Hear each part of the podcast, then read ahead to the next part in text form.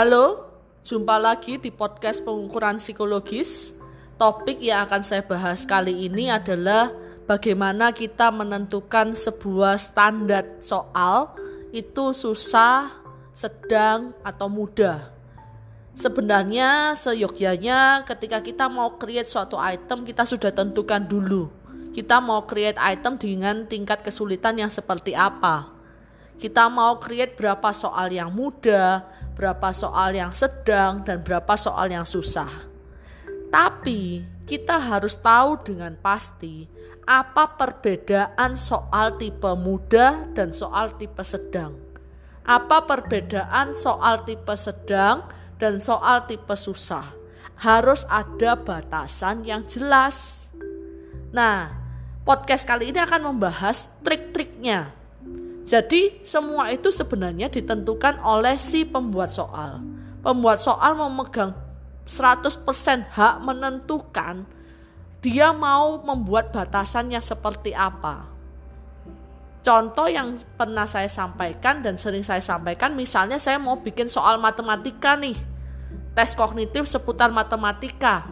Nah, maka saya tahu bahwa saya akan buat soal dengan tipe mudah, sedang, dan susah. Batasannya gimana? Kalau ini soal matematika katakanlah untuk anak kelas 3 atau 4 SD, saya mengatakan bahwa soal yang mudah adalah soal operasi penjumlahan atau pengurangan. Satu operasi saja.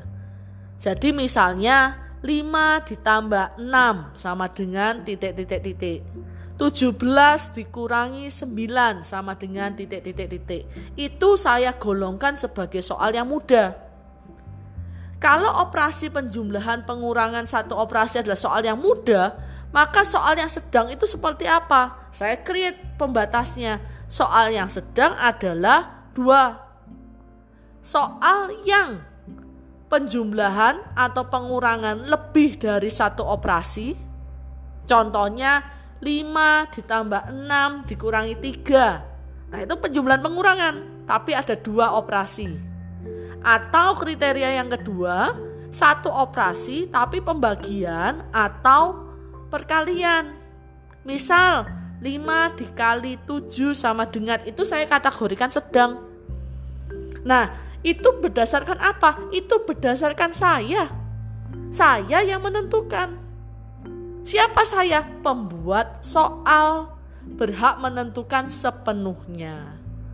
Nah, itu soal mudah, soal sedang, soal susahnya gimana? Saya bilang soal susah adalah soal yang mengandung operasi matematika penjumlahan, pengurangan, perkalian, pembagian lebih dari op satu operasi. Misal 5 ditambah 2 dikali 3 dibagi 2 sama dengan berapa? Nah, teman-teman, saya ingatkan, ini sesuatu yang sangat mudah. Untuk menentukan batasan itu kita harus lihat teorinya apa. Mau yang kita uji mau sejauh apa. Baru kita bisa menentukan kriteria soal yang kita sebut mudah seperti apa, sedang seperti apa, susah seperti apa. Selamat belajar, selamat mencoba. Salam belajar.